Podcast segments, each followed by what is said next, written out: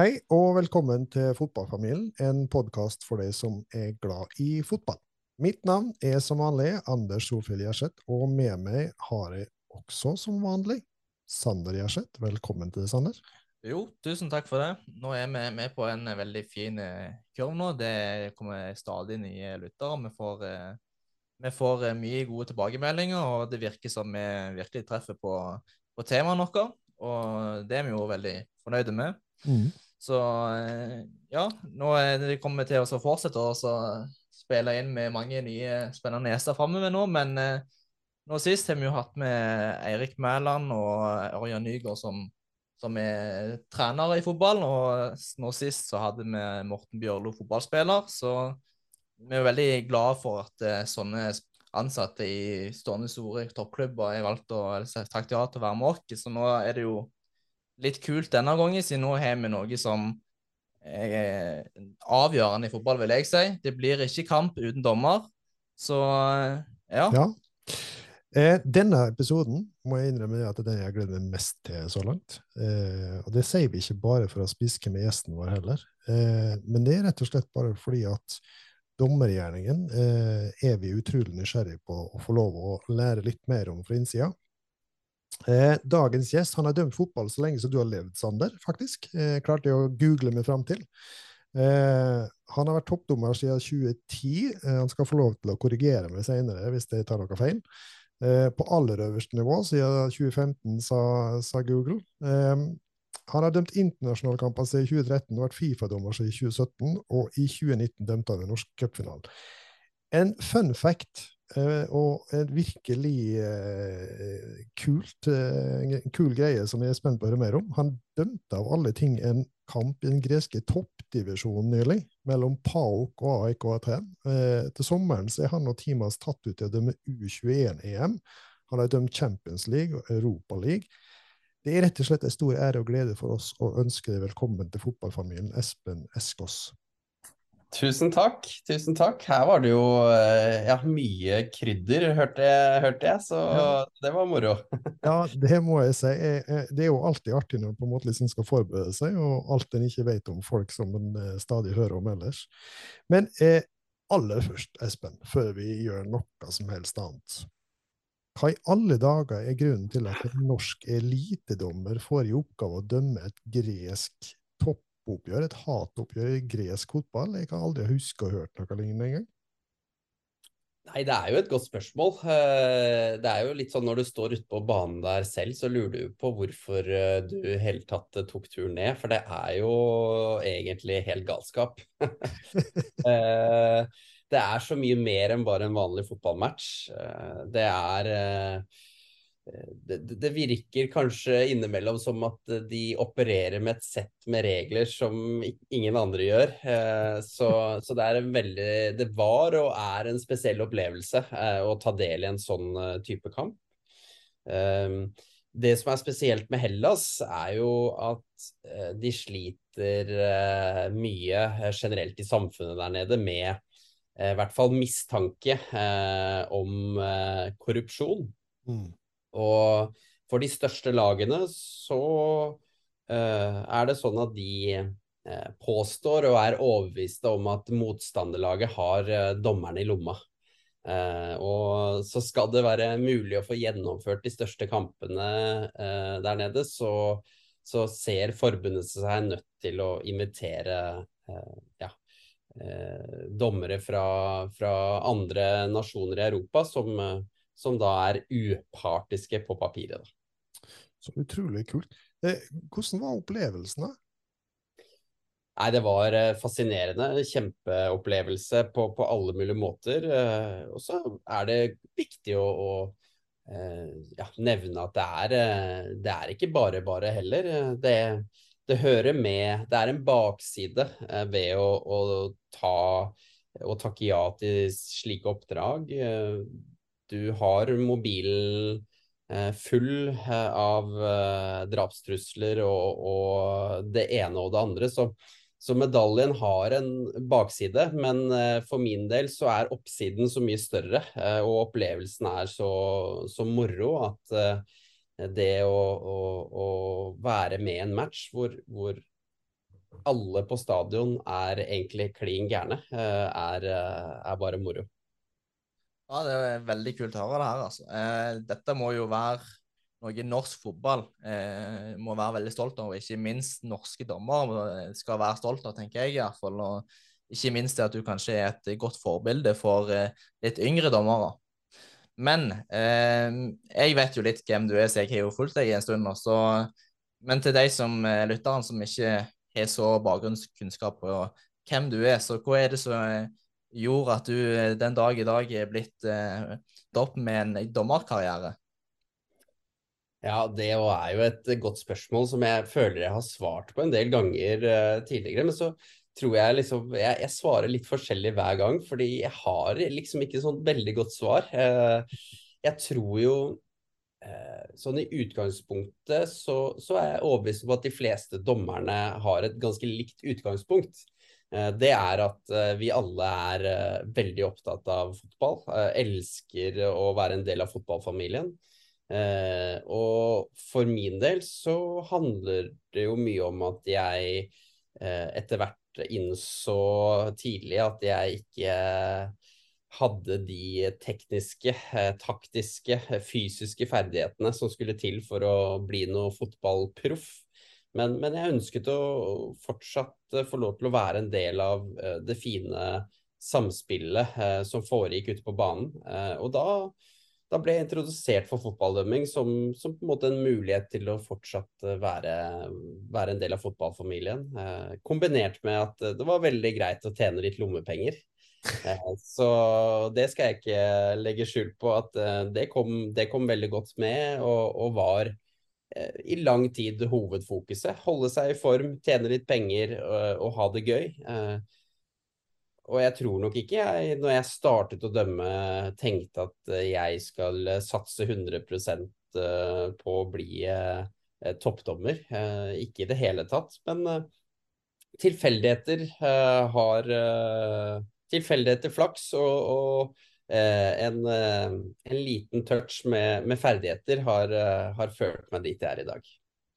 Gøy å høre. Jeg er jo sjøl dømt en del sånn veldig lågt nivå. Da. Jeg tror egentlig, Når du sier det hvordan man starter, så tror jeg kanskje det er vel ofte der det starter med mange dommer. at eh, Sånn som i klubbene, at man tilbyr at man kan begynne å dømme og tjene litt egne lommepenger. sånn at det, det er da noen begynner å henge seg på. og Så er det sånn, sånn som meg, da, at noen har falt av for ulike grunner. sånn. Men eh, dette her må jo være en, eh, en eh, veldig ensom og tøff jobb. Så hvordan er liksom livet som dommer på toppnivå? Ja, det kan nok kanskje tenkes at vi er uh, Vi lever i en litt sånn ensom uh, verden. Uh, men jeg vil jo heller dra det dit at det å få lov til å fortsatt være en del av fotballfamilien er jo gjør jo at vi er med i et fellesskap. og Eh, jeg er jo så heldig at når jeg reiser rundt og dømmer, så har jeg jo med meg eh, noen assistentdommere. Jeg har med meg en fjerdedommer, og, og nå skal vi jo inkludere to nye teammedlemmer eh, som er VAR og AVAR. Så eh, jeg føler jo at vi, vi, er en stor gjeng som er ute på banen og koser oss eh, som et lag og som et team. Og, og vi, vi er ute og presterer eh, i, i, fellesskap, eh, så skjønner jeg jo at eh, når du dømmer nedover i systemet og du er alene uten assistentdommere, så kan det jo virke ensomt. Men, men jeg tror likevel at det å, å være utpå der, kommunisere med spillerne, være med det, det, det sosiale aspektet som, som, fotballen bidrar til, er, er noe vi alle dommere syns er kjempegøy. og så kan det hende at vi innimellom står litt alene i stormen. Men, det, men sånn er det. Vi er sære. Det er, det er sært å være fotballdommer, og det, tror jeg alle innrømmer. ok. Eh, jeg må, jo, jeg må jo si litt sånn Målet vårt da, med, med podkasten er jo å se på det med relasjoner og læring og motivasjon og utvikling eh, innen fotballen. og prøve å bore litt i mekanismer og ulike sider i fotballfamilien som ikke alltid kommer fram i, i alle andre podkaster. Og hva er det som ligger til grunn for å lykkes, og, og, hva er det som skiller de fra de som ikke lykkes. Så vi skal bevege oss litt mer i den retningen. Men jeg, jeg, jeg skal passe på å presentere meg sjøl òg. Jeg, jeg, jobber jo med folk sjøl.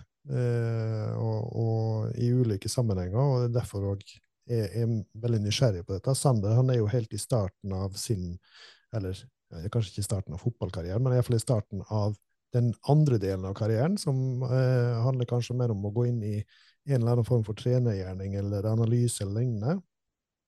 Eh, men jeg har veldig òg lyst til å høre hvem er Espen Eskås når han ikke er på fotballbanen? Åh, oh.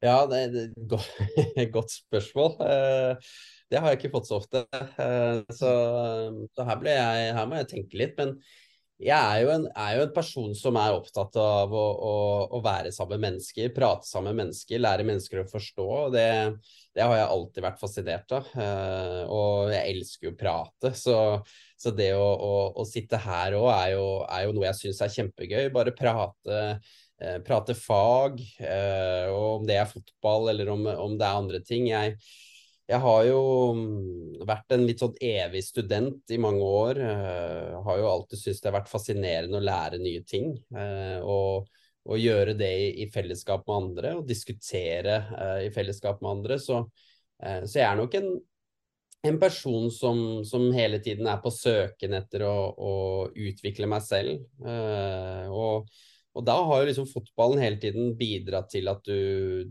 du har blitt testet og, og blitt utsatt for, eh, for prøvelser som, som, du må overvinne. Og, og det, er jo, det er jo det å gå ut på fotballbanen, eh, både individuelt, men også kollektivt som team, hvor jeg da er teamleder, og, og, lykkes eh, med de to ganger 45 minuttene, det er jo det som er det er det jeg syns er kjempegøy. Eh, og da er det jo 22 spillere som du må behandle ulikt. Eh, hver og en har jo sin personlighet og, og trenger eh, din eh, oppmerksomhet på en eller annen måte. Og det er det å knekke den koden på hvilken type oppmerksomhet hver enkelt spiller trenger, som gjør at du lykkes som kampleder.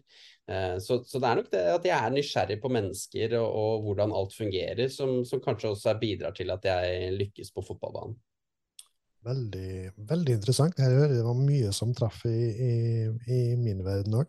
Eh, men eh, jeg har lagt merke til de kampene jeg har sett deg eh, dømme, så virker du som du har en veldig eh, hva skal vi si, jordnær og eh, Lete etter ordet jovial tilnærming til spillerne.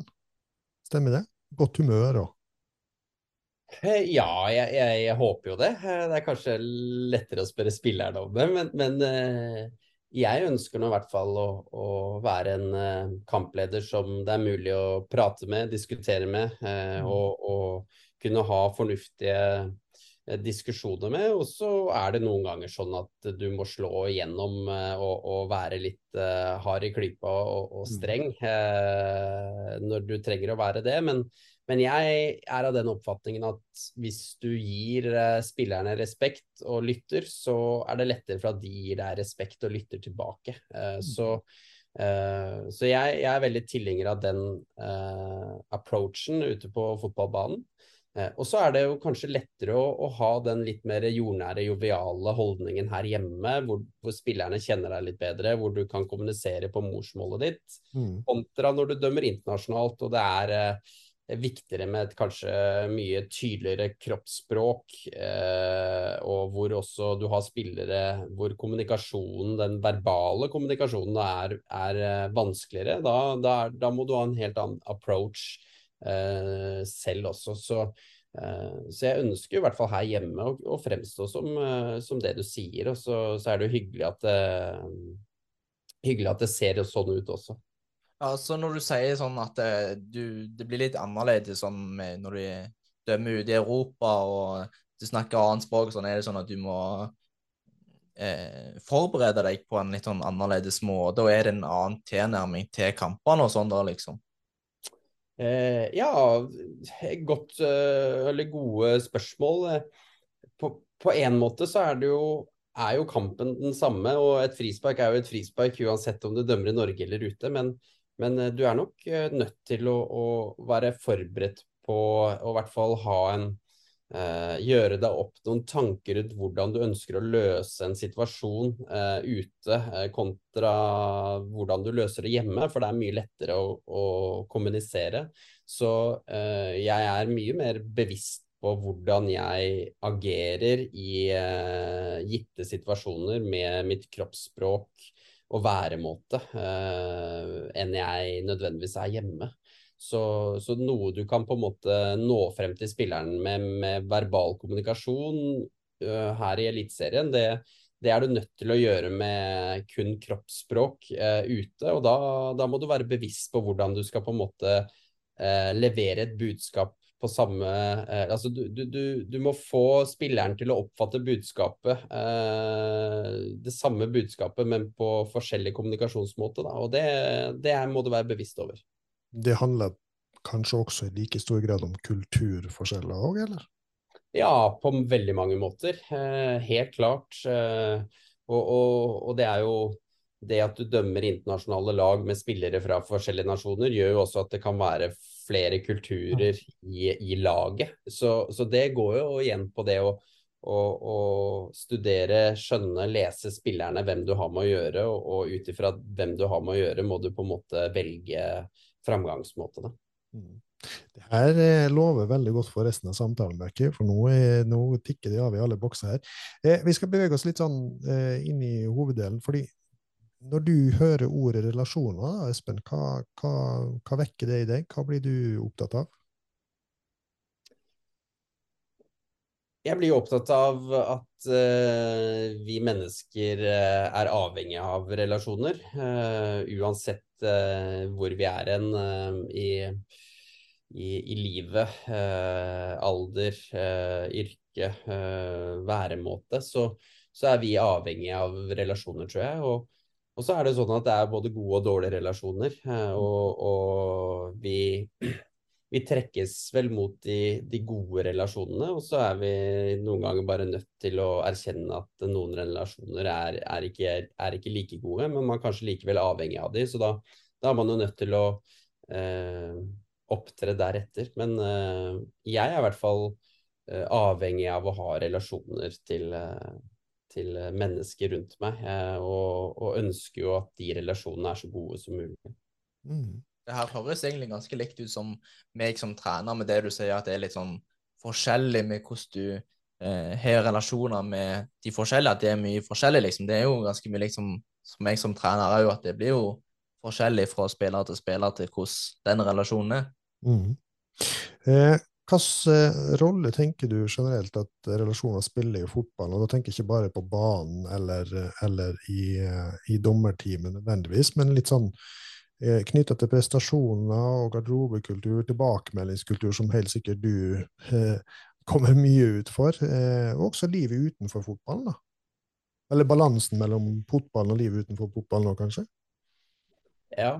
Eh, jeg er vant til å ha høy takhøyde når det kommer til tilbakemeldinger, så, så der er vi ofte ærlige og direkte med hverandre. Og, og, media og publikum pleier å være ærlige og direkte, så jeg, så jeg er vant til å få tilbakemeldinger. Eh, så det er helt riktig. Eh, nei, altså jeg, jeg, er overbevist om at jo, jo, tryggere du er i en relasjon, jo, jo, bedre selvtillit har du og får du, og, og jo bedre klarer du å prestere.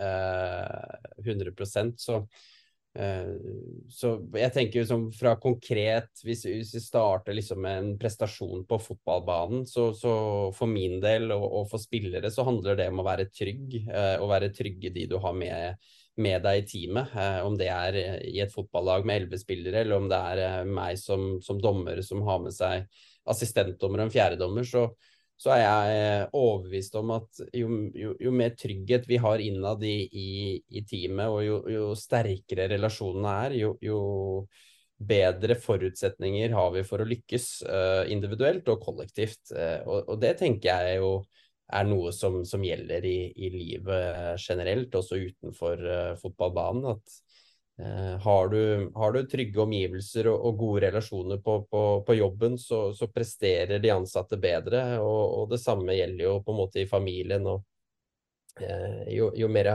harmoni har du da, i livet. Så, så det er det er eh, åpenbart at eh, å ha gode relasjoner er nøkkelen til, til, suksess både på og utenfor banen. Dette er jo kjempegode bekreftelser for meg, Øri. Eh, du har flere ganger nå nevnt det med at du må behandle spillere eh, forskjellig, og det er viktig med relasjoner i og utenfor. Eh, og så er det jo òg trukket frem flere ganger allerede her i forhold til det med at dere er et team. Eh, og tilbakemeldingskultur fra publikum Jeg liker jo ikke å innrømme det, men jeg har nok òg gitt tilbakemeldinger til dommere eh, fra tribunen eh, i sin tid. Eh, blitt litt roligere med årene. Men hvordan tilbakemeldingskultur har en i et dom, altså internt i et dommerteam, da, når dere på en måte er ferdig med en kamp eller har fått kampen på avstand? Våger en på en måte å være ærlig med hverandre? Er det denne tryggheten du snakker om, som gjør det mulig? Hvordan tenker du rundt det? Jeg tror vi eh, overrasker mange hvis vi åpner dørene inn til, til dommergarderoben når vi har eh, eh debrief over å vise hvor, eh, hvor åpent, ærlig og direkte det er. Eh, og det gjelder jo sånn generelt i dommergruppa òg, når vi har dommersamling og sitter og evaluerer eh, situasjoner og klipp. så så, så tør uh, dommeren uh, som er gjenstand for det aktuelle klippet, å være ærlig med hvorfor vedkommende dømte eller gjorde som uh, hun han gjorde, og, og vice versa. Og vi, vi, tør å være ærlige um, tilbake til hverandre på, på hva som burde vært gjort annerledes. Så og det tror jeg er også nøkkelen til at vi vi tar steg eh, og, og, og, kommer oss opp og frem og videre. Da, eh, og tar, tar, nye nivåer. Eh, for det, jeg er i hvert fall veldig avhengig av å, å, få konkrete tilbakemeldinger av de rundt meg. Jeg, jeg, jeg krever å få det, og, og, jeg forventer å få det. Og så i hvert fall innad i mitt team så, så er vi veldig åpne og ærlige med hverandre. Men det, det, gjør jo også at vi, når ting er bra og, og ting fungerer veldig godt, så, så, så får, får, man masse ros eh, og, og, positiv eh, feedback. Og det åpner for at de, de få gangene vi, vi, er nødt til å justere på ting, og ting ikke er godt nok, så, så tør vi å, å, å, gå ordentlig ned i materien for å finne ut av, finne ut av hva som er gærent veldig spennende å høre. Fordi det, Grunnen til at jeg ble spesielt nysgjerrig på det, er jo fordi at begge trenerne vi har hatt med, og eh, Morten Bjørlo, som vi snakket om som spiller, har jo vært opptatt av det med trygghet da, som en sånn nøkkelfaktor, og tillit, og, og at det skaper en eh, større mulighet for å være direkte med hverandre og ha en stor takhøyde og, og, og en konstruktiv og sunn tilbakemeldingskultur. Eh, og det gjør jo òg at vi blir bedre, tenker du ikke det? Helt enig. Eh, og du er jo innom nøkkelordet her, som kanskje er tillit. Eh, det, å, det, å, ha tillit til hverandre eh, gjør at, gjør at det er mye større rom for å kunne være åpen og ærlig, og tørre å være åpen og ærlig. Og, og, vi innad i teamet mitt har brukt også mye tid på å lære hverandre å kjenne utenfor banen, for å forstå hva som hva som foregår ellers i livet. For det er, eh, det er jo sånn at um, hverdagen byr på forskjellige utfordringer. Det er solskinnshistorier og mer tunge dager. Og jeg er jo opptatt av at når vi møter til kamp og reiser til kamp, så, så må vi ha hodet på rett plass. Så, så vi, vi, er opptatt av å dele uh, det vi har og det vi styrer med i hverdagen, som eventuelt kan være med på å rokke ved Eh, det, det, mentale eh, i inngangen til en kamp. Så, så, vi ønsker å dele for å forstå hverandre og, og for å kunne bidra til at uh, vi, vi, er på rett sted til, til rett tid mentalt. For det er jo noe av det viktigste for oss, å, å virkelig være til stede når det først gjelder. Mm. Altså, Dette høres jo ut som det er ganske mange likheter med det sånn forhold til en fotballspiller og en trener. da, At man må altså, høre litt på hvordan det er hjemme, og hvordan det er ellers i hverdagen. Men det som er litt unikt med en dommer der, da, det er jo det at en fotballspiller, der kan man ha dårlige perioder, og det kan eh, gå litt ned. Mens en dommer, det kreves jo at dere er eh, nesten feilfri, feilfri hver kamp, nesten. Så det er jo en helt annen eh, måte dere må gå inn i kamper. Dere kan ikke gå inn og ha noe sånn dårlig følelse eller noe sånn inntil kamp, tenker jeg i hvert fall. Det må jo være litt annerledes. Mm. Ja, nei, helt klart. Og, eh, og da krever det jo ganske mye å kanskje erkjenne hvis man er inne i en tøff periode, om det eh, har vært et par kamper på rad som har gått dårlig, eller om, om eh, det er ting på hjemmebane som, som, gjør at forberedelsene ikke er optimale, så krever det jo mye eventuelt å, å, å si ifra og si stopp at kanskje det er best at jeg står over denne runden her, for nå, nå er jeg ikke helt mentalt til stede. Uh, for det er vi avhengig av å være, skal vi kunne prestere i hvert fall ha muligheten til å, å, legge til rette for å kunne ha prestasjon som, som alle fortjener, da, og som jeg som jeg selv også føler jeg fortjener. Altså, du, du, må, du, må, gi deg de uh, mulighetene som skal til for at du kan levere en best mulig prestasjon.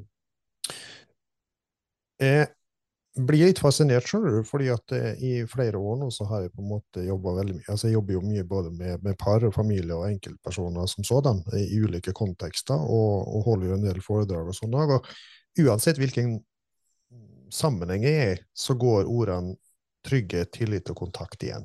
Altså, du må på en måte ha tilstrekkelig kontakt med de du skal på en måte ha nært på deg. Du må ha den nødvendige tilliten, og du må ha den nødvendige tryggheten. Og nå har vi snakka med de andre gjestene tidligere i forhold til det med mental trening, og at det er noe som har kommet mye tøffere inn i fotballen de siste årene. Eh, fotballen har åpna litt opp for de sidene ved det òg. Eh, jeg syns kanskje av og til at mental trening er bare et fancy, fancy, ord på veiledning eller coaching eller andre ting. ikke sant? Men er disse type eh, tiltak eller, eller, virkemidler noe dere tre, altså dommere bruker mer av òg etter hvert? Altså det med sparringpartnere og, og, og den type ting? Ja. 100 eh, og, og det er noe vi har eh, ja, i større eller mindre grad, og det er også litt sånn individuelt. Men uh, for min egen del så, så har jeg brukt, uh, brukt det aktivt uh, de siste to, tre, fire sesongene, og, og mer nå de siste sesongene. Og jeg, jeg og teamet mitt har, har, en person som, som vi bruker i, i, større eller mindre grad. Da. Det går også litt sånn i perioder, ut fra hva, hvilket behov man har her og nå, eller så jobber vi med eh, langtidsprosjekter, eh, og så har vi konkrete ting som vi, vi, tar tak i på en måte der og da og her og nå. Så mye mer av den type ting, eh, fordi eh, vi er flinke til å trene. Eh, vi er flinke til å se klipp og, og, trene på å dømme. Men eh, vi må bli flinkere til å trene hodet, flinkere til å trene det å, å, rett og slett klare å koble av. Eh, jeg er jo en som, som virkelig sliter med å f.eks. Eh, sove og, og, og, roe meg ned litt etter matcher. Altså, det er masse adrenalin, det er, det er mye som skjer. og eh, blir fort liggende oppe og tenke. Eh, og, og, det å det å kunne få mekanismer som, som bidrar til å, å, roe seg ned, eh, klare å, å eh, Også i motsatt fall i forkant av matcher, eh, det å, å, om ikke meditere, så i hvert fall gjøre noen øvelser som gjør at du, du får fokuset på riktig sted og, og, og, får den riktige tenningen som skal til uh, inn i kamp. Det, det er ting vi har hatt fokus på nå de siste sesongene absolutt anbefale meditasjon, altså. Det hvis du ikke allerede har prøvd det. Eh, det som jeg òg eh, tenker på, er jo at når en det må jo være spesielt viktig. ikke sant? Du sier jo drapstrusler, eh, full mobiltelefon osv. Da må en jo virkelig være bevisst på hvordan en påvirkes av det. For noen år tilbake så, så trente guttungen her borte sammen med en som heter Kjell Høyen, som sjøl har vært toppdommer på elitenivå. Eh, og eh, gjennom å samtale med han, da, så ble jeg jo plutselig opptatt av at det å være dommer er jo utrolig mye mer komplekst enn det kanskje hvermannsen er klar over.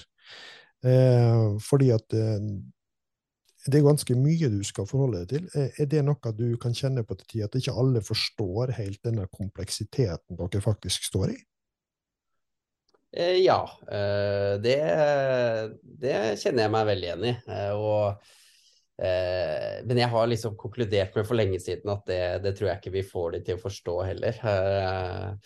og det er vel mer at vi, vi blir ansett som en, en, sær gjeng som er et nødvendig onde, mer enn et, en viktig del av fotballfamilien. Så Eh, vi er nok veldig misforstått uh, på mange måter, og, og jeg tror uh, Altså, det er, det er, ikke alle som forstår kompleksiteten som du er inne på, og, og, og det gjør nok at vi ikke alltid uh, får frem de budskapene vi, vi ønsker, å, ønsker, å, få frem. men jeg tror i hvert fall oss dommere på toppnivå har innsett at det å det å få publikum, eh, media, til å forstå alle sider ved fotballdømmingen, den, eh, den tid er forbi, og så får vi heller prøve å gjøre det beste ut av det. Ja, så er det noen sånn Vi snakker med mange andre spillere og trenere og sånn om hvem som har vært deres eh, viktige for, eller beste eller viktigste forbilder og mentorer og trenere og sånn opp gjennom til der de er. Og er det noen som vi har jo hatt noen gode dommere opp gjennom eh, her i Norge òg. Det er Einar Halle, Terje, Terje Hauge, eh, Svein Oddvar Moen og, og, sånn. Er det noen sånn spesielle du har sett opp til, eller noen viktige, som har vært viktige personer for deg? Eh, ja, for all del. Du nevner jo mange fantastiske fotballdommere der. Og det er klart, alle, alle de personene var eh, var dommere jeg i større eller mindre grad så opp til. Eh, og så mm, er det nok sånn at jeg var veldig heldig når jeg startet å dømme.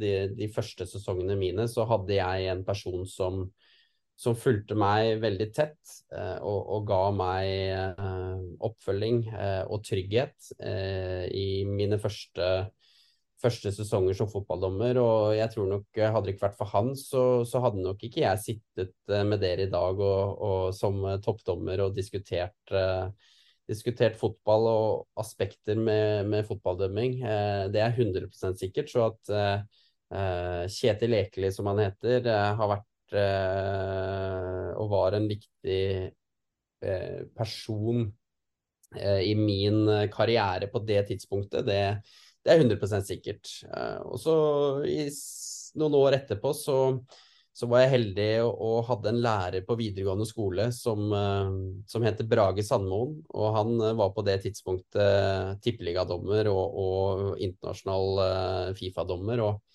det var først når jeg ble kjent med han, ting virkelig begynte å, å demre oppi hodet mitt om at kanskje det er uh, spennende å prøve, prøve, å se hvor langt man kan nå på fotballbanen som fotballdommer. Så, så, det er nok Kjetil og Brage som har vært mine virkelige uh, pilarer da, sånn opp igjennom uh, dommerkarrieren. Jeg husker jo Brage Sandmoen veldig godt. Han var faktisk, eh, I den grad vi kan snakke om favorittdommere, så, så, var han jeg likte veldig godt. Og først og fremst fordi at, litt som jeg sa til det i sted, han, han virker alltid å ha en veldig sånn god tone med spilleren. På en sett og vis så kan jeg liksom se for meg at dere er like. ja, eh, på, på enkelte, enkelte, områder så er det nok det. og jeg, eh, jeg, likte veldig godt hvordan han, eh, han opptrådde så rolig alltid. Han virket alltid å på en måte være i, i vater eh, og i kontroll. Eh, og ha på en måte både hode og kropp i kontroll eh, selv, selv, hvor mye det blåste på toppene og hvor mye støy det var ute på banen, så, så, beholdt han alltid roen. Og det, det var noe jeg, jeg, så veldig opp til. Mm. For jeg, og så tenker jeg også, Du snakket jo litt om, om, folk som er viktige litt sånn i forhold til karrieren din. og så tenker jeg at Du nevner òg det med eh, Du har jo både jobb og privat, ikke sant? og de, de påvirker jo hverandre. Er det personlige relasjoner som har vært viktige for deg opp igjennom? Og, og, og, hvordan er det egentlig å være familie til en, en toppdommer som eh, altså, Det må jo være tøft å være tett på eh, og, og se alt det blir utsatt for? Ja, eh, det tror jeg helt klart. Eh, og det må være tøft eh, å være samboer med meg òg, fordi du er nødt til å, å ofre ganske mye på grunn av meg og på mine vegne. Så jeg er jo veldig egoistisk. Jeg er førstemann til å innrømme det. Reiser rundt og, tar egentlig ikke så mye hensyn til, til de rundt meg. Og jeg, jeg, hopper på de mulighetene jeg får til å, til å dømme fotball. og, og de nærmeste er nødt til å på en måte kretse sitt liv rundt uh, meg og min kalender. Så, så, jeg er kjempeheldig som har uh, både en tålmodig samboer og en familie som støtter meg 100% i det jeg driver med. Så, uh, så det er liksom utrolig viktig å få frem. og så tror jeg jo i mye større grad det er vanskeligere for dem enn meg å, å motta eller se, se at jeg mottar ikke bare superlativer eh, i innboksen. Eh, det, det, er nok riktig. Det er nok mye tøffere for dem å, å, å lese om ting i, i, avisen eller sosiale medier eh, som er med, med negativt fortegn. Eh, de tar nok det mye tyngre enn det jeg gjør. Eh, så, så, det også er, eh, er nok innimellom litt vanskelig. Men jeg håper jo og tror da at de med tiden nå har, har lært seg alt og, og kjenne og, og, vet at det meste er gjerne skrevet eller sagt i affekt eh, med, med følelsene ute på kroppen, og så, så, menes det jo ikke nødvendigvis eh, alt som blir, eh, blir sagt og gjort. Men, men, det er nok ikke gøy for mamma og pappa å lese om at guttungen er, er et horribelt menneske som bare bør egentlig Eh, kjøpe seg en kiste og, og, grave seg ned et eller annet sted, eh, som jeg ofte blir, eh, blir bedt om å gjøre. Da. Så, så, det er nok mye verre for dem enn meg. Og så er jeg, hva gjelder jobb, ekstremt heldig som har en arbeidsgiver som, som legger til rette for at jeg kan drive med, med fotball og fotballdømming ved siden av. hadde ikke hatt mulighet til å jobbe noe særlig hvis, hvis jeg ikke hadde den friheten eh, og, og, muligheten fra, fra, fra arbeidsgiver. Så, så de òg er, eh, er, kjempeviktige for, for, min hverdag og min karriere. Mm. Ja, da hører jo, Nå har du egentlig svart på en del spørsmål jeg hadde senere uansett. fordi da, da hører jo det ganske mange du er avhengig av for å få lov til å holde på med det du gjør, og kunne yte på toppnivå. Um, og så er du også inne på det med, med, hva som skrives, hva som uttales, hva som ropes. Jeg husker jo, Det er jo ikke mange år tilbake, når eh, jeg var like gammel som Sander, så ropte vi jo eh, mye rart på dommeren, vi òg. Men så var det liksom på kampen, da. Når kampen var ferdig, så var liksom det meste glemt. Det kunne jo være en diskusjon på vei hjem, eller et eller annet sånt. Men, men i dag så fortsetter jo denne hetsen eh, i dagevis, ukevis. Du, du, du, blir jo nesten aldri ferdig med det. Eh, så det må være utrolig mye tøffere eh, nå enn da. Ja, det, det, er det nok 100 sikkert. Og eh, jeg tror jo det, som, det verste oppi det hele er jo at for min del så, så er jeg nå såpass skadet uh, og robust uh, at uh, det, det, preller ganske lett av. og, og jeg, jeg, leser lite av det som blir skrevet og sagt. Men, men nå med, med, sosiale medier og, og, hvor enkelt det er å kunne ytre seg bak Eh, bak et tastatur eh, bidrar jo også til at eh, dommerne på breddenivå blir utsatt på et mye større nivå enn en hva det også var tidligere. Så, så det, er jo, det, er jo, den biten med hetsen jeg syns er det verste nå. At det, det er ikke bare at du du løper rundt på Ekebergsletta og dømmer åttendedivisjon og, og, og blir verbalt hetset gjennom kampen, men, men, det fortsetter i sosiale medier eh, etter kampen, og da gjerne i, i ukevis. Så, så det, er, det, er, kjempetrist, rett og slett. Og det er, eh, det er ikke så rart at vi, vi sliter med dommerrekruttering, eh, for det er, det er, rett og slett et ganske rått sted å, å, være innimellom, det å være fotballdommer. Så det, det synes jeg er kjempesynd, og jeg synes uh, flere burde vært uh, mye mer bevisst på hvordan, uh, hvordan dette fungerte. Og, og, så tror jeg jo Jeg tror jo måten media skriver om fotballdømming, eh, skriver om dommerfeil, hvordan eh, eliteserietrenere og spillere i enkeltsituasjoner kommenterer eh, etter kampene, bidrar til at eh, det, det, legitimerer litt det å, å harselere med, med, dommerne og dommerstanden, eh, også nedover i divisjonene. Så så jeg skulle nok ønske at de største profilene i norsk fotball var mye mer sitt ansvar bevisst når det kommer til det, hvilke ordvalg og, og eh, ja, eh, beskrivelser de har eh, innimellom om, om dommere og dommerstanden. Nå ser jeg Sander han nikker så gøy at hodet hans holder på å falle av her, så jeg tror han har noe han har lyst til å spørre deg om. Ja, altså, det her er egentlig noe, Du gir meg en veldig fin overgang til det jeg har lyst til å snakke om, om nå. egentlig, så meg personlig er veldig opptatt av eh, dommersida, og jeg, som du sier, jeg syns det er veldig trist den utviklingen eh, samfunnet begynner å få med at vi, det med dommerrekruttering, at vi, vi, vi, blir for få dommere. Og som jeg sa tidligere, at eh, dommer det er viktig, det må vi ha. For skal det bli kamp, så må vi ha en dommer. Så eh, jeg syns jo dette er veldig trist, og jeg er veldig sånn skremt over den utviklingen. Så jeg er veldig opptatt av det på det på det laget jeg trener, blant annet, er at eh, vi skal ha en kultur der vi, vi skal ikke klage på dommer. Eh, vi skal ikke ha, bruke energi på dommeren. Vi må huske det at det er en unge, unge dommer. Han skal det, det, er veldig viktig for meg, hvis jeg ser da Altså hvis det er noen som eh, sier klager på dommer, eller hva det skulle vært, så er jeg veldig opptatt av det. Hvis du ikke stopper nå, så tar jeg deg av. Så enkelt er det. Så jeg har lyst til å skape en kultur der man ikke skal eh, klage på dommer. Så vi merker det. og Jeg flere ganger har måttet eh, ta en kamp jeg siden vi ikke får tak i dommer. Så det sier jo bare litt. Og i tillegg så er det for det lokallaget jeg spiller for, skal ikke jeg henge ut den klubben, men nå hadde vi senest et møte hvor vi hadde nødt til å eh, ha et møte der, i klubben så måtte det generelt roe seg med den hetsen dommeren fikk, siden det var så utrivelig å komme eh, der. Og det syns jeg er ve ve veldig trist. Så jeg er veldig bekymra for den utviklingen. Og det er jo derfor jeg eh, hadde lyst til å ha deg med, så jeg har lyst til å få med dine innfallsvinkler og, og uh, få fram det, det gode sidene til dommeren. Så det er viktig det å se bl.a. dommers sider, og som at vi skal få en utvikling som er positiv her.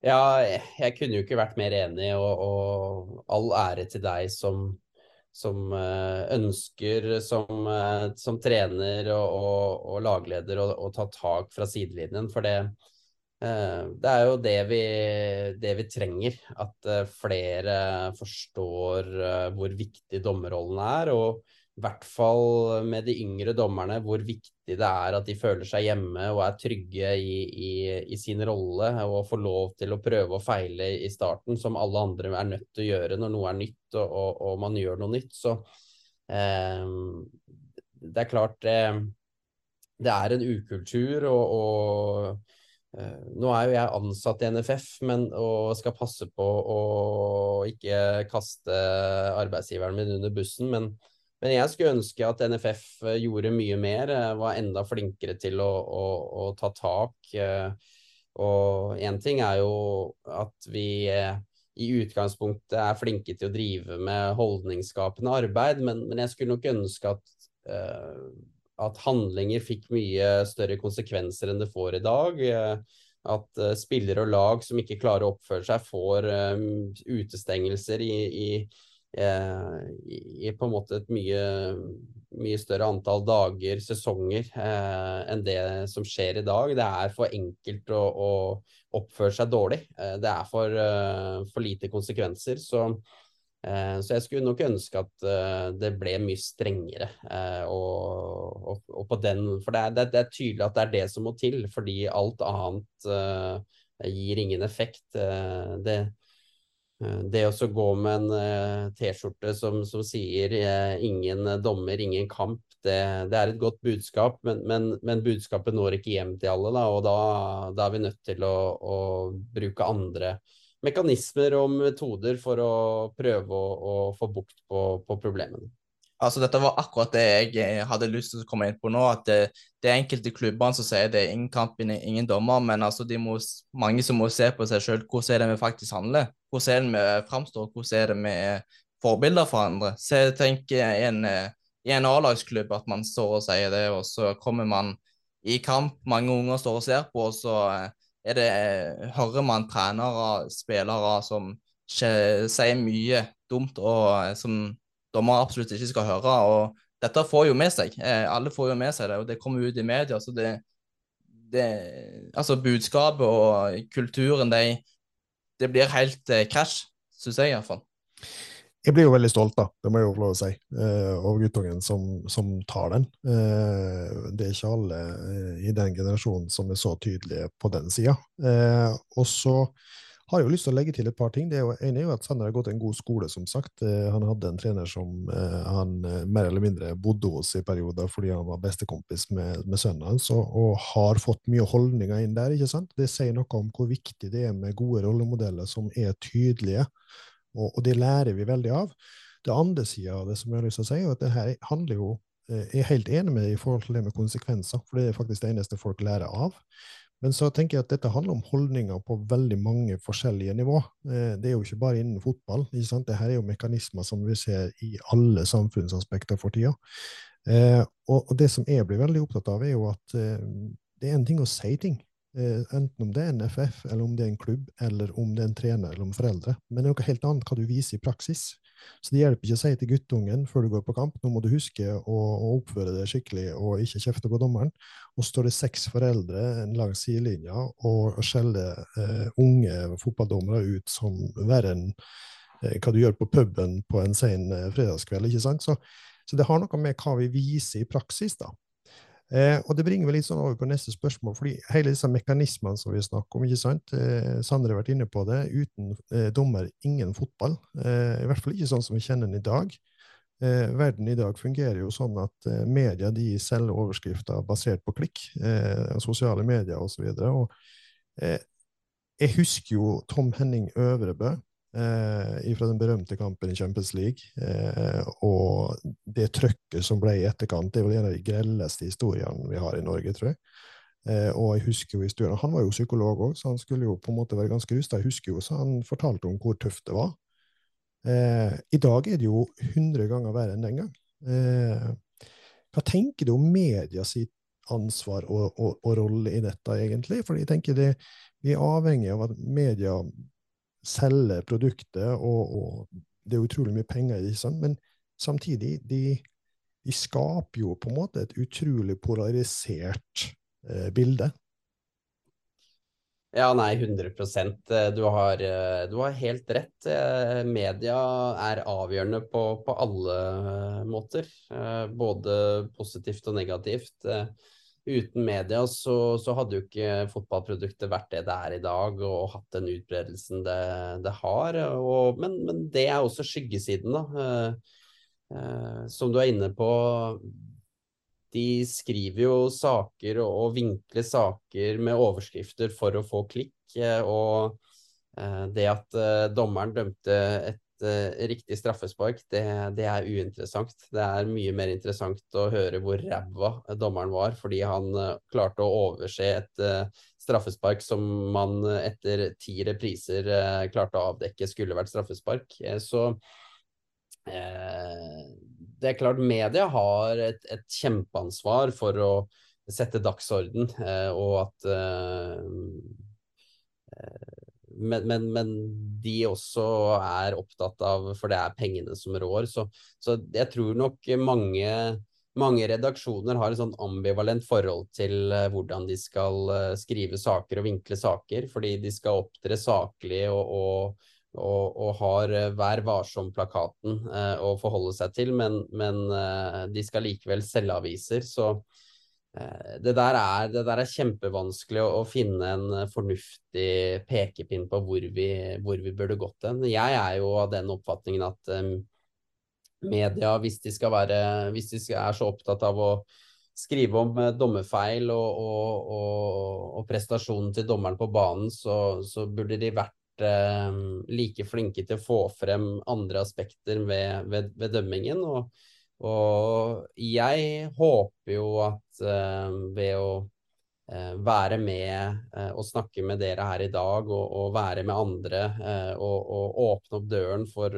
for dommerverden, for å, for slippe flere inn, for å gi mer forståelse av, av vår verden, er med på eh, på sikt å bidra til en økt eh, forståelse for dommergjerningen. Så Eh, jeg elsker jo å prate om dette her. Eh, det er, det er ikke det at det er mitt kall å skulle revolusjonere dommerverden med, med åpenhet og, og, forståelse, men, men jeg, hvis jeg klarer å nå hjem til én, to, tre flere etter å ha pratet med dere i dag, så, så har jeg lykkes med noe. Og, og, jeg tror vi er bare nødt til å, å, å ta sånne små skritt uh, av gangen. og Uh, med inntog av VAR nå, så, så har det også gitt oss muligheten til å eh, åpne mer opp eh, for media, for publikum, for å gi økt forståelse for, for, det vi driver med. Jeg tror jo, og jeg håper at, at det på sikt bidrar til en større forståelse for, for ja, dommeryrket og dommerverden og dommerfamilien. Mm. Eh, vi skal komme mer inn på VAR, for vi er jo nødt til å snakke om VAR òg. om et lite øyeblikk. Jeg skal bare stille ett spørsmål før vi går over dit. og det eh, Hva tenker du om medias evne til å ta imot eh, kritikk og, og, og, og, innspill i forhold til deres lag? For jeg husker jo, Det er jo bare en liten sånn sidespor, men jeg har blitt flinkere med årene, jeg er blitt litt eldre og litt roligere, og ikke ta opp et tastatur når du er som mest eh, forbanna. Det trenger ikke bare være en fotballkamp, men det kan være en debatt eller en erfaring du har gjort eh, på jobb, eller samme hva det er for noe. Eh, og det skjer ganske mange at jeg kan bli opprørt eh, av ulike ting. Men jeg lar det være til jeg har fått tenkt på det både seks og sju ganger. Og hvis jeg skriver noe, så, så leser jeg det minst to og tre ganger før jeg faktisk hiver det ut. Eh, og så var det en gang det glapp for meg eh, for ikke så langt tilbake, eh, hvor jeg var litt sånn frustrert over et lags eh, manglende progresjon. Hvor jeg gjerne sparka litt skjevt til lokalavisa det gjaldt. Og eh, jeg tror jeg kalte de til og med Teletubbies. og det tok ikke mer enn et kvarter eller fem, så var jeg plutselig invitert til podkast for på en måte da å forsvare dette. Eh, så jeg, opplever kanskje ikke at media er så veldig åpne for innspill på sin rolle heller. Tenker du annerledes? Eh, nei, jeg gjør vel egentlig ikke det.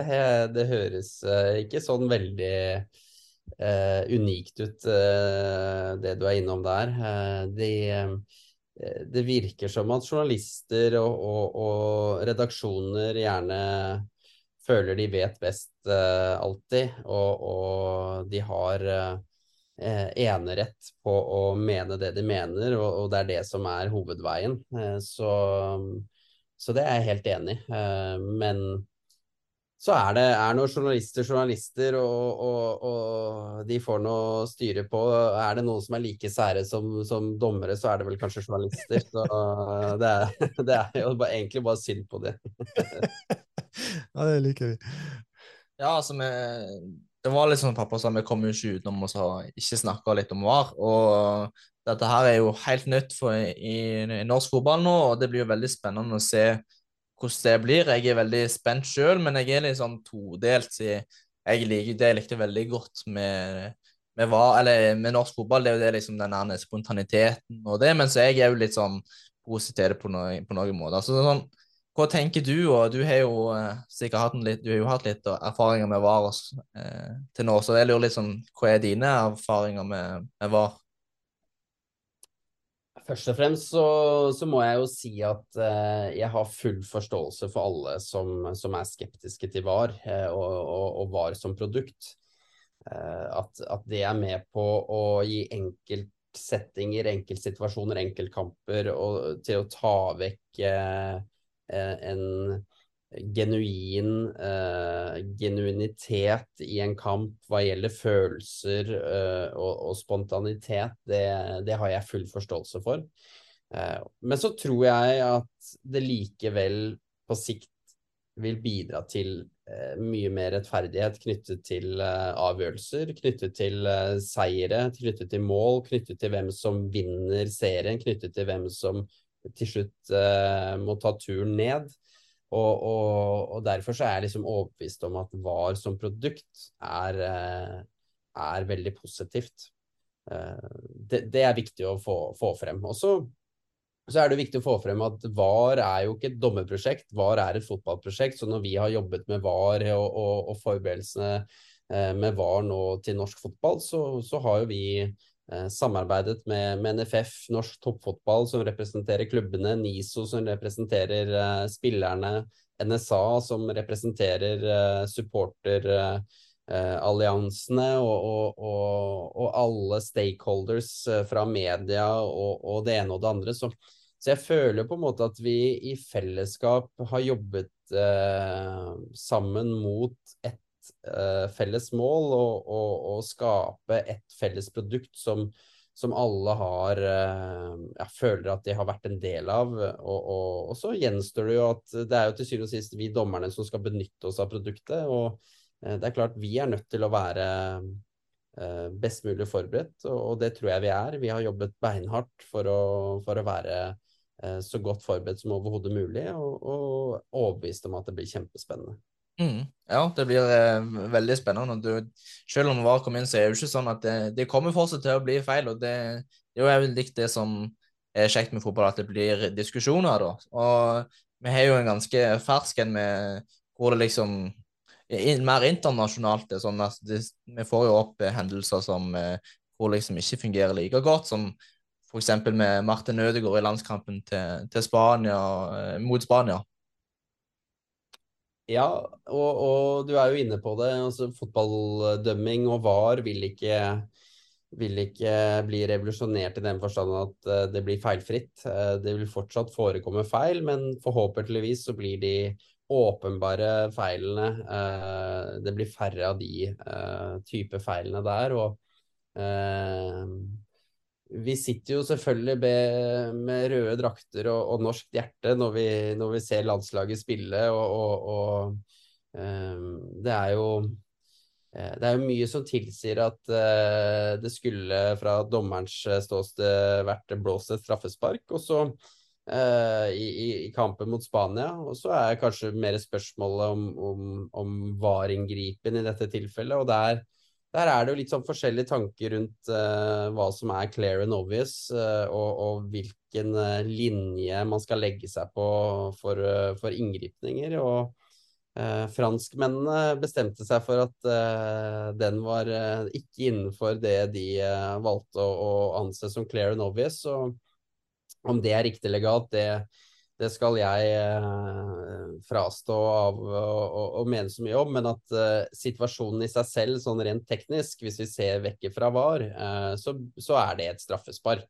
Og så, så er jo mer diskusjonen sånn internt i dommerverden om, om det, det, er en clear and obvious mistake. Det er i hvert fall godt å høre at det ikke er helt blitt eh, snøblind i gjelder avgjørelser, fordi at jeg har vanskelig for å forstå hvordan det ikke skulle vært et straffespark. Men jeg har vært litt sånn mot VAR fra starten, litt sånn fordi at Sander han eh, kaller meg stadig å være et fossil og nostalgiker og konservativ osv., men jeg, jeg, liker jo eh, dårlige endringer i noe som har vært så viktig for meg hele alt livet. Var, alt var bedre før. Eh, ja, det var jo egentlig det. I hvert fall fotballmessig. Men eh, det jeg har vært skeptisk til primært, er jo på en måte hva gjør det med selve engasjementet, det spontane, som dere var inne på, ikke sant, med diskusjoner og spillestopp. Jeg, jeg, jeg blør jo litt innvendig når det er sånn du står og venter i tre og et halvt minutt, og så skal den spontane feiringen komme. Eh, I stedet for på en måte den der feiringen med publikum umiddelbart.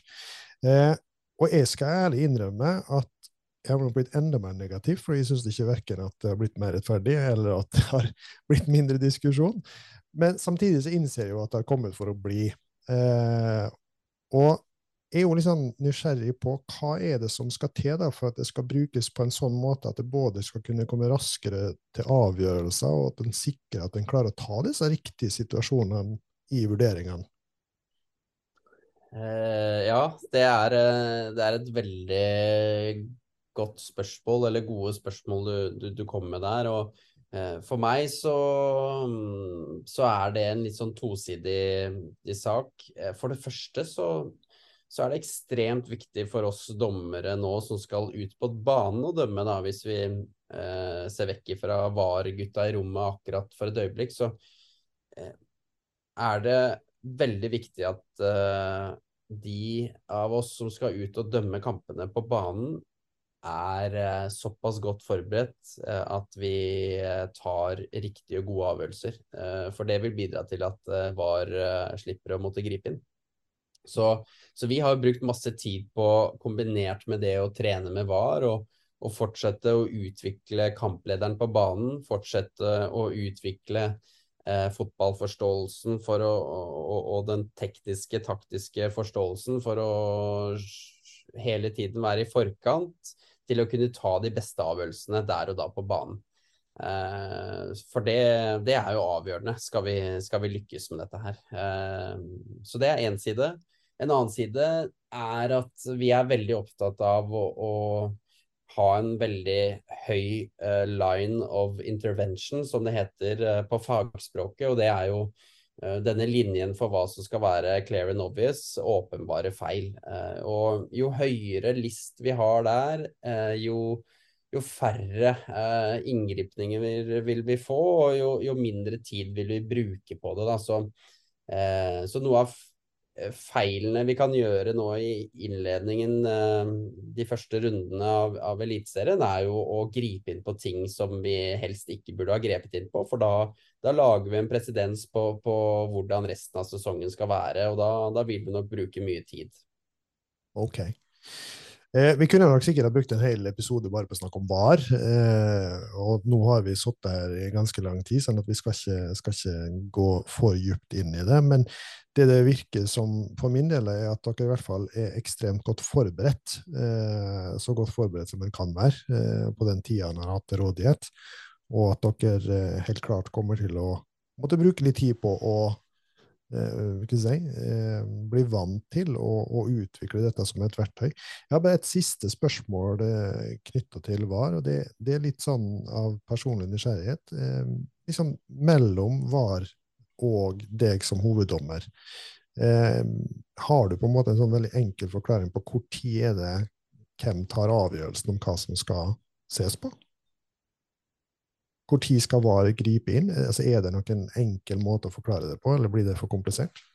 Eh, jeg, jeg kan jo prøve. Eh, I utgangspunktet så skal det ikke være så komplisert. Det er jo eh, jeg som var, eh, som, eh, som, sitter i bussen og får, får sett eh, situasjonene på nytt, som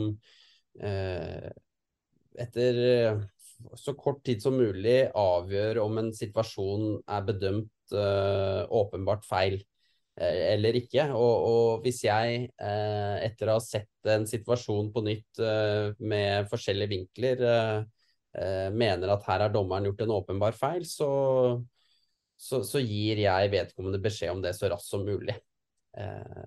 Så, så, det er jo egentlig med en gang en avgjørelse er tatt eller ikke tatt, altså si en straffesituasjon som, som burde vært blåst, så, og kampen fortsetter, så vil jo jeg eh, med en gang forseelsen skjer, begynne å, å, studere den situasjonen. Og, og, hvis det viser seg at jeg mener det er straffespark, så, så vil vi på en måte Hvis ballen har gått ut, gått ut, av spill, så må vi jo vente med å sette i gang spillet. Og hvis spillet forts, eh, er fortsatt i gang og og jeg ser at det skulle vært eh, Eller jeg ønsker å gi dommeren muligheten til å se situasjonen på nytt, så, så stopper jeg bare spillet eh, i, i nøytral sone. Så, så, vi ønsker på en måte at det, den prosessen skal, skal, gå så raskt som mulig. Ja, jeg syns det egentlig var ganske oppklarende. Jeg, jeg, eh, jeg, skjønner godt hva du mener. og Altså, det her er jo Jeg syns det her er veldig veldig spennende å høre om, og jeg syns det er veldig kjekt å, å, snakke med deg. Og jeg, jeg er sikker på at vi kunne sittet her i flere timer og snakka og diskutert og, og holdt på, men vi skal jo begynne å gå inn litt for, for landing og oppsummering. Men jeg har litt sånn spørsmål. Har du noen tanker rundt eh, årets sesong i Eliteserien? Har du noen sånn Hvem tror du Hvordan blir det med tabellen, og hvem ser bra ut? og og årets overraskelse, har du noe å komme inn på der, eller som dommer? Jeg har nok eh, masse tanker knyttet til eh, både topp og bunn og spillere, men eh, som eh, dommere flest så, så, er jeg jo nøytral, så jeg har jo ikke så mange følelser knyttet til det. Men jeg gleder meg. Jeg tror det blir jevnt både i topp og bunn. Flere lag som jeg håper selvfølgelig melder seg på i, i, i teten. Det, det, vil gi flere spennende kamper å, å dømme og, og, flere spennende kamper å se på for publikum. Så, så det vil jo bidra til at eliteserieproduktet blir bedre. så så, så jeg og, og, vi som dommergruppe gleder oss veldig til å, til å, komme i gang, for jeg er overbevist om at det blir, eh, kommer til å bli kjempespennende. Ja, jeg er helt enig. Jeg tror det blir kjempebra i år. Altså, det er virkelig på, på vei opp nå, norsk fotball. Og... Men ellers så syns jeg at jeg, jeg, føler det at eh, jeg er veldig glad for det at du som dommer eh, ble med her i dag. og jeg føler det nå at når jeg legger meg i kveld, så kan jeg ha litt ekstra god samvittighet, siden nå har jeg fått ut en av mine viktige budskap til, til andre bekjente, sånn som eh, jeg håper på å høre på. Så eh, har du noe eh, nå, er det jo mange nye dommere. Eh, er det noe som du eh, tror kan få sånn gjennombrudd der? Er det noen å se litt opp for? Eh, ja, absolutt. det er jo også en en Eh, årsak nå med at vi, vi har fått VAR, så har vi måttet øke antall uh, eliteseriedommere. Og, og, det vil jo gi ringvirkninger nedenifra også, at uh, vi må ha flere inn i, i Obos-ligaen, uh, flere kretsdommere inn i Post Nord. Og, så, så, nå er det jo en tid for, for de som ønsker å, å satse, for nå, nå, er det muligheter til å ta, ta steg. og Eh, I Eliteserien så, så, har vi fått opp noen rutinerte karer fra Obos-ligaen, men vi har også noen, noen, noen unge fremadstormende som, eh, som, jeg også må passe litt på, så, ikke, så jeg ikke faller helt akterutseilt her. Eh, og, og de, de, tar meg igjen på, på alt, alt, som heter. Så, så, det er inspirerende. Det gjør jo at vi eldre må være litt mer på tå hev. og, og Eh, det er en veldig god kjemi i dommergruppa. En veldig, eh, veldig harmoni. Eh, og, og, og vi, vi, backer hverandre, selv eh, gammel som ung og, og, rutinert som urutinert. Og det, det bidrar til at uh, gruppa drar i samme retning, og det, det er kjempespennende. Så, så det, er, uh, det, er, mange gode dommerprestasjoner som uh, kommer til å komme på løpende bånd i årets sesong. Det, det er jeg overbevist om. Spennende. Hvordan er det du ellers syns det har vært med å være med i denne podkasten, denne episoden? og Har du noe, eventuelt noen eh, tips eller innspill til dere på veien videre, og hvem eventuelt burde invitert?